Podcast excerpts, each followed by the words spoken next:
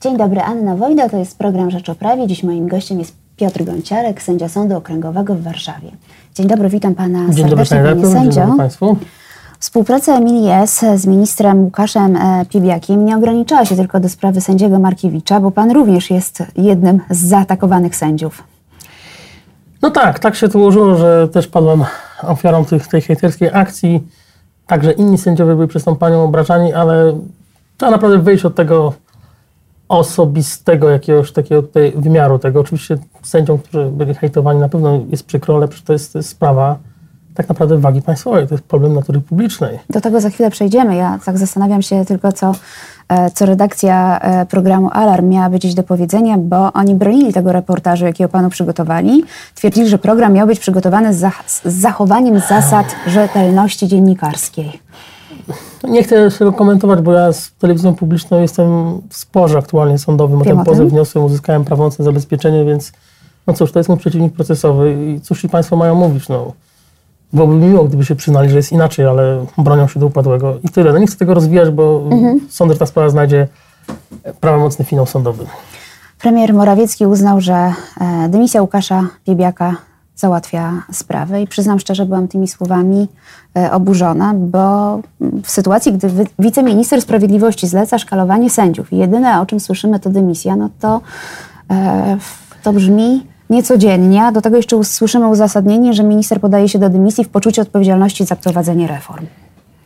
Najpierw o premierze, potem o panu Pibiaku. Yy, To jest taki part, typowy partyjny przekaz. Ja nie mówię partyjnym przekazem, sędziowie nie są od partyjnych przekazów dnia. Może dla, dla tych, co teraz rządzą, byłoby dobrze, że to się na tym zamknęło.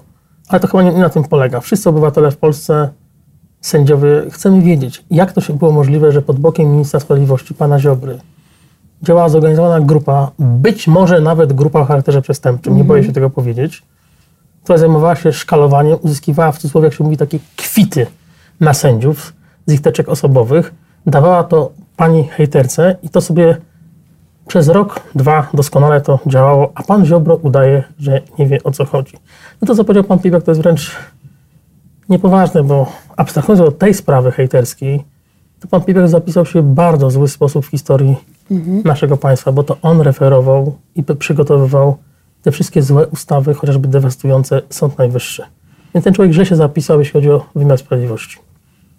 I to absolutnie nie może być yy, koniec tej sprawy. Trzeba to dokładnie wyjaśnić. I ja osobiście i też sądzę duża część środowiska, też zwyczajnie obywatele chyba nie wierzą w coś takiego, że pan minister Ziobro mógł o tym nie wiedzieć. Doniesienia medialne... Minister przekonuje, że nic nie wiedział. Doniesienia minister wie o każdej ważnej sprawie, bo po to uczynił sobie taką ustawę, żeby móc ręcznie sterować każdym możliwym śledztwem, mieć wiedzę. Mieć wgląd w każdą sprawę sądową, jak ma takie życzenie. Yy, Doniesienia medialne są takie, że już w marcu policja, prokuratura była w posiadaniu, zabezpieczyła wszystkie nośniki informatyczne tej pani. W związku z publikacją pewnego zdjęcia, które nie powinno się pojawić w sieci. I naprawdę trzeba być bardzo w sądzie, że minister nie wiedział, że to zostało zabezpieczone i prokuratura nie powiedziała go, co na tych nośnikach jest. Czy z tego wynikało to, co opublikował Onet? No, że ta pani od kogo uzyskuje te informacje, za czyim przyzwoleniem. I gdyby nie niezależni dziennikarze, to byśmy do dzisiaj tego nie wiedzieli. A miał pan jeszcze powiedzieć o o premierze Morawieckim i o tym, że ta dymisja kończy sprawę. No, to, jest, to jest taki przekaz w interesie tych, co rządzą. Z punktu widzenia być może jakichś słupków sondażowych, to tak by, takie myślę, że tak byłoby najlepiej, żeby to wyciszyć. Ale z punktu widzenia interesu publicznego nas wszystkich, musimy to wyjaśnić. Panie redaktor, no, miarą tego, jaki to jest skandal, to jest to, że o tej sprawie nawet zawiadamia rządowa, informuje Rządowa Agencja Informacyjna Chin, Xinhua. Już nie mówię o takich mediach bardziej, znaczy w sposób oczywisty niezależnych i renomowanych jak Financial Times czy Washington Post, również o tym informują. To jest skandal o praworządność, dzieją się takie rzeczy w I Ministerstwie okazuje, Sprawiedliwości. i nagle się okazuje, że to nie ma takie, nie jest prawdą ta narracja, że są, jest ta kasta, czyli sędziowie i rząd próbuje to naprawić, tylko się nagle okazuje, że używa się metod wręcz przestępczych, żeby szkalować sędziów dla jakiegoś interesu politycznego. I są rzeczy niebywałe, w cywilizowanym świecie, w naszym kręgu kulturowym, Europy, Ameryki Północnej, jest nie do pomyślenia, żeby w zorganizowany sposób szkalować sędziów. Prezydent Trump w Ameryce może czasami na Twitterze różne dziwne rzeczy wygadywać, nawet tych sędziów krytykować czy obrażać.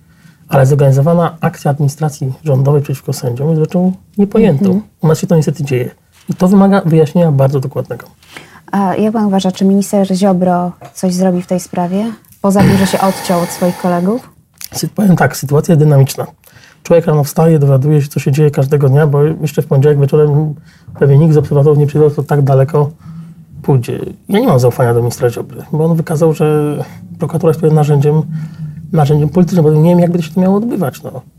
To mm, minister Ziobro zleci prokuratorowi generalnemu Ziobro, żeby on, podlegli ludzie przesłuchali pana, pana Ziobro. Może sam pan Ziobro przesłucha samego siebie.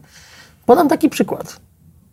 Jeżeli ja mam sprawę, no właśnie, przeciwko telewizji, a jestem też w sporze z tą panią, która, panią Emilią, bo wniosłem powództwo ochrony dóbr osobistych, no to sądzi to ktoś inny. Nie ja sądzę tą sprawę, gdzie jestem stroną, tylko sąd ktoś, kogo te, też osobami obca, niezależny sąd, niezawisły sędzia. Jeżeli lekarz ma wyrostek... Nikt w sprawy nie jest zaangażowany. Tak, jeżeli lekarz ma wyrostek robaczkowy, to nie dokonuje na sobie operacji. To mogło być ciekawe. Właśnie, ale tak to wygląda, więc jeżeli. I, i podobnie, no, jeżeli sędzia padł ofiarą przestępstwa, prawda, czy było jakieś podejrzenie, no, nie może być sędzią swojej sprawy, więc jeżeli są wątpliwości, czy pan Ziobro wiedział, czy nie wiedział, no to on nie może nadzorować tej prokuratury w tym momencie. I żądania dymisji są jak najbardziej uzasadnione. No ale pewnie do niej nie dojdzie.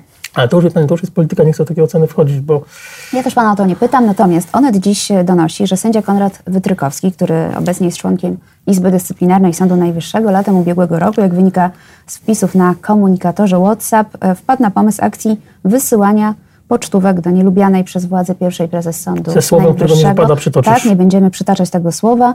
Teraz sędzia kategorycznie mm, wszystkiemu zaprzecza. no nie można oferować wyroków, prawda, no bo dopóki to się zostanie skazany, to jest domena niewinności. Ale to są bardzo mocne określenia wskazujące, że mogło być coś na Ale rzeczy. są ludzie z Ministerstwa Sprawiedliwości, teraz jest Tak. sędzia z Izby I to jest, Dyscyplinarnej. jaki, jakiż to był, jakie kryteria etyczne tym kierowały? Przecież jedynym kryterium tych ludzi naboru do Sądu Najwyższego w zeszłym roku było kryterium to, czy ktoś popiera bezwarunkowo politykę rządu i jest mu blisko do Zbigniewa Ziobry. Nie chodziło o kryteria etyczne, o staż, doświadczenie, dorobek medyczny, który jest po prostu dobrym, doświadczonym sędzią. O to chodziło.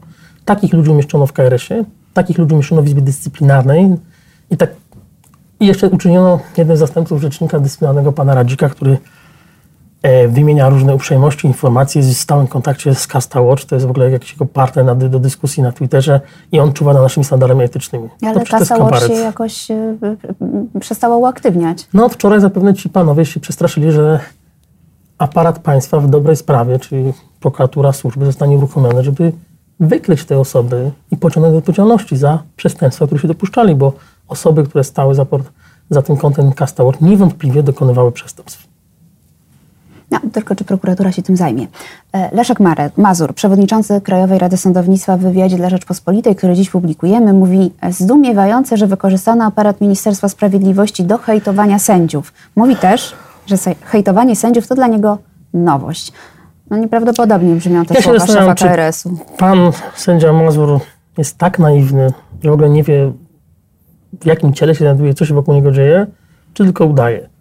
Yy, no przecież to wszystko nie jest przypadek. No, no, no, no, tak specjalnie po to takich ludzi, takich ludzi, takich ludzi dobrano.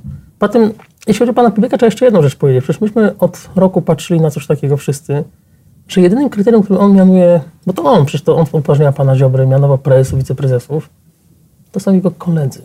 Koledzy, koleżanki, ktoś był czyimś partnerem, to, to są jego koledzy, to jest jedyne kryterium. I czy będą, będą bezwarunkowo lojalni.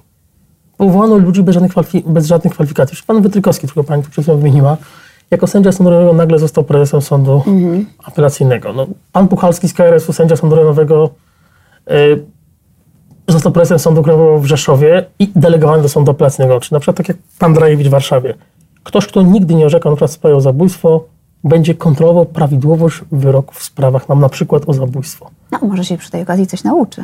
No może, tylko wie pani, żeby nie, nie uczył się kosztem ludzkich nieszczęść, tak jak na przykładzie pana komendy, bo to nie są żarty. Nie, nie można się pomylić, w żadnej sprawie się nie można pomylić, ale w sprawie o zabójstwo, pomyłka, jakby ktoś miał spędzić ileś lat w więzieniu niesłusznie, to jest najgorsza pomyłka, jakiej sąd się może dopuścić. Skarb Państwa potem za pomyłkę zapłaci. Ciężkie miliony. To prawda. Minister Piebiak zapowiedział, że wniesie pozew przeciwko redakcji Onet, która rozpowszechniała pomówienia na jego temat oparte na relacjach niewiarygodnej osoby. Wczoraj pełnomocnik Amini ES e, mówił, że jest rozgoryczona i rozczarowana słowami ministra Piebiaka. Nie chcę się odnosić wprost do słów pełnomocnika, ale to, co pani powiedziała o działaniu pana Piebiaka, to ja odpowiem tak. Jak tylko nie będę miał tego dnia sesji i mi obowiązki służbowe pozwolą, ja przyjdę jako publiczny na tą, na tą sprawę. Będę bardzo ciekawy, jak, to, jak pan Białek będzie, będzie dowodził tego, że to wszystko jest nieprawda i że on w tą sprawę nie ma nic wspólnego. No, zaczekajmy najpierw na pozew. No tak. Ja, póki co jeszcze możemy mówić Łukasz Piebiak, używając pełnego nazwiska, ale być może już niedługo. To prawda. E, Ja jeszcze chciałam odczytać panu fragment oświadczenia, kolejnego oświadczenia, które zamieściła dziś e, Emilia S. Pisze, że tak, ten cały hejt robiłam dla Polski, ponieważ wierzyłam, że walczę ze złymi ludźmi. Jak to takie indywidua miały być polskimi sędziami i tak dalej, i tak dalej. E, Potem na własnej skórze odczułam, jak działa ta maszyna zakłamania. Klapki opadły mi z oczu. Sądzi pan, że Polakom też opadną klapki z oczu? Małe zastrzeżenie. Nie mówię o polityce, ale może dobrze byłoby, żeby jednak część naszych obywateli zrozumiała, że sądy to jest taka część władzy, że to nie jest tak, że jak ktoś wygrywa wybory, to może wszystko. Wymiar Sprawiedliwości założenia sądy są apolityczne, sędziowie należą do partii. I sądy nie wydają wyroków w imieniu ministra Ziobry, ani nawet prezydenta Dudy. Nie jesteśmy sędziami ministra Ziobry, ani ministra Budki poprzedniego, który był, ani kolejnego ministra, jeśli będzie. Wydajemy wyrok w imieniu Rzeczypospolitej. Sąd jest potrzebny każdemu, żeby niezależnie od tego, kto rządzi, miał prawo do uczciwego rozpoznania sprawy. Żeby ten młody człowiek, który zderzył się z kolumną pani premier, nie wiem, czy on jest winny, czy nie, mógł liczyć na uczciwy proces, a nie, żeby prokurator mówił, że to on jest winny na pewno, a funkcjonariusze BOR-u to są niewinni. I proszę zwrócić uwagę na taką rzecz wręcz anegdotyczną. No. To pod nazwiskiem można powiedzieć, bo ten pan nie ukrywa swojego nazwiska, pan Bartłomiej Misiewicz, który opuścił areszt. Też nie wolno przesądzać jego winy, bo jest osobą podejrzaną. Ale ma osoba wysoko związana z jednym z ministrów partii y, rządzącej, nagle wyszedł z aresztu i zaczął chwalić Rzecznika Praw Obywatelskich, organ niezależny. I nawet pan Misiewicz wyraził się pozytywnie na temat sądów, że są niezależne. No właśnie, bo sąd uchylił mu areszt. Nie było ważne, czy pan Misiewicz jest z tej opcji, z tamtej, czy jest bezpartyjny, tylko spojrzał na to, czy prokurator, wniosek prokuratora przedłużenia aresztu ma rację bytu, czy może prokurator po prostu tu przesadza i to jest nieuzasadnione i ten człowiek do czasu zakończenia śledztwa nie musi być w areszcie. Po to są na sądy. Po to, żeby każdy miał tą pewność, że ktoś niezależnie, obiektywnie to, to osądzi. Chciałbym, żeby dobrze byłoby, żeby ludzie to zrozumieli, także te osoby, które tego no, do końca nie rozumieją, bo sądy nie mogą być ani pisowskie, ani platformiane, ani nie wiem, każdej innej opcji, tylko są sądami Rzeczypospolitej. Nie, ale ja mam wrażenie, że wiele osób tego nie rozumie, a negatywne oceny o sędziach utrwalają się, choćby na podstawie em, licznych programów, które były w e, wiadomościach e, w telewizyjnej jedynce. Premier też pozwalał sobie wielokrotnie na uwagi pod adresem sędziów, prezydent również. No to, co to, co mówi premier, to no, budzi to głęboki sprzeciw, bo jeżeli premier za granicą opowiada takie czemu ja pamiętam ten wywiad dla jednego z tych zagranicznych mediów, gdzie mówił, że my płacimy łapówki swoim przełożonym, dostać sprawę bardziej lukratywną, żeby rozumiem, wziąć za te łapówki wtedy. To jest coś oburzającego, że premier za granicą, bo jeżeli ma taką informację, że jakiś sędzia bierze łapówki, to niech składa zawiadomienie o przestępstwie. Każdy ma taki obowiązek. A takich rzeczy opowiadać, co, co, to w ogóle, co to w ogóle jest? Czy no, no choćby te porównania do, że nie rozliczono nas w Polsce sędziów, tak jak po, po, po Francja rozliczyła sędziów z państwa Wiszczy, czy porównanie nas do, do funkcjonariuszy kolaboracyjnego państwa, które kolaborowało z trzecią Rzeszą. To są rzeczy oburzające i które zwyczajnie nie przystoją jakiemukolwiek premierowi, urzędnikowi Polski mówić. No, a widzi pan, zwykli ludzie słyszą coś takiego z telewizji, słyszą coś takiego z radia, mają jakiś proces w sądzie, który ciągnie się latami, nie mogą się doczekać na wyrok i myślą sobie, no, no ta władza ma rację, z tymi sędziami rzeczywiście jest coś nie tak. No tak, to jest to, jest to, Bo nikt nie mówi o udoskonaleniu procedury. jest to problem. No właśnie, a jakby tak zadać pytanie dzisiaj panu Ziobrze, a co pan, panie ministrze, zrobił żeby za przyspieszyć. sądu kilometr stąd, od tej redakcji, nawet może krócej, w linii prostej, na Ogrodowie jest sąd rejonowy dla Mokotowa, gdzie sędziowie w wydziałach cywilnych mają prawie tysiąc spraw na jednego sędziego. Choćby ten sędzia pracował od świtu do nocy, to nie będzie tak, że on wyznaczy termin po trzy miesiące od wpłynięcia. 900-950 spraw na sędziego. No tak, a jeszcze się ktoś nie stawi, yy, sprawa I spadnie. pracownicy, którzy odchodzą z pracy, bo za te pieniądze marne, to w Warszawie za te pieniądze, to nie bardzo No to chcą ludzie pracować. Pytanie, co pan minister dlatego zrobił? Żeby ten, żeby ten sąd pracował też w budynku, ten budynek mokotowski, to urąga powadze. Pamiętam jeszcze wiele, wiele lat temu na studiach miałam tam praktyki, już wtedy było strasznie, nie byłam od tamtej pory, więc nie wiem. Ani trochę się nie polepszyło. To nie jest taki nowoczesny biurowiec jak u państwa w redakcji. To są warunki, które w żadnym Są kraju... Tak, ale No ale nie jest to normalny standard pracy, po prostu, gdzie ludzie powinni pracować w sądzie, no, jakakolwiek administracja.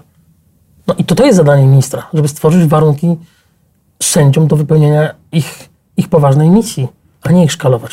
No, będzie kolejna kadencja, to może wtedy minister się z tymi zadaniami upora. Ten lub inny. Dokładnie. Na sam koniec już. Ostatnie pytanie. Sądzi pan, że jeszcze w tej aferze z ministrem Piebiakiem będziemy mieli kolejne odsłony i dowiemy się o kolejnych bulwersujących rzeczach? Ja powiem tak. Wierzę w niezależne dziennikarstwo śledcze i wierzę, że dziennikarze być może pomogą, a częściowo wyręczą organy państwa, które udają, że nie ma sprawy, jak prokuratura. I sądzę, że dowiemy się jeszcze więcej rzeczy. Zgadzam się w pełni z tym, co powiedział profesor Matczak, że to można porównać do afery Watergate. Tam złapano jakichś trzeciorzędnych włamywaczy na początku.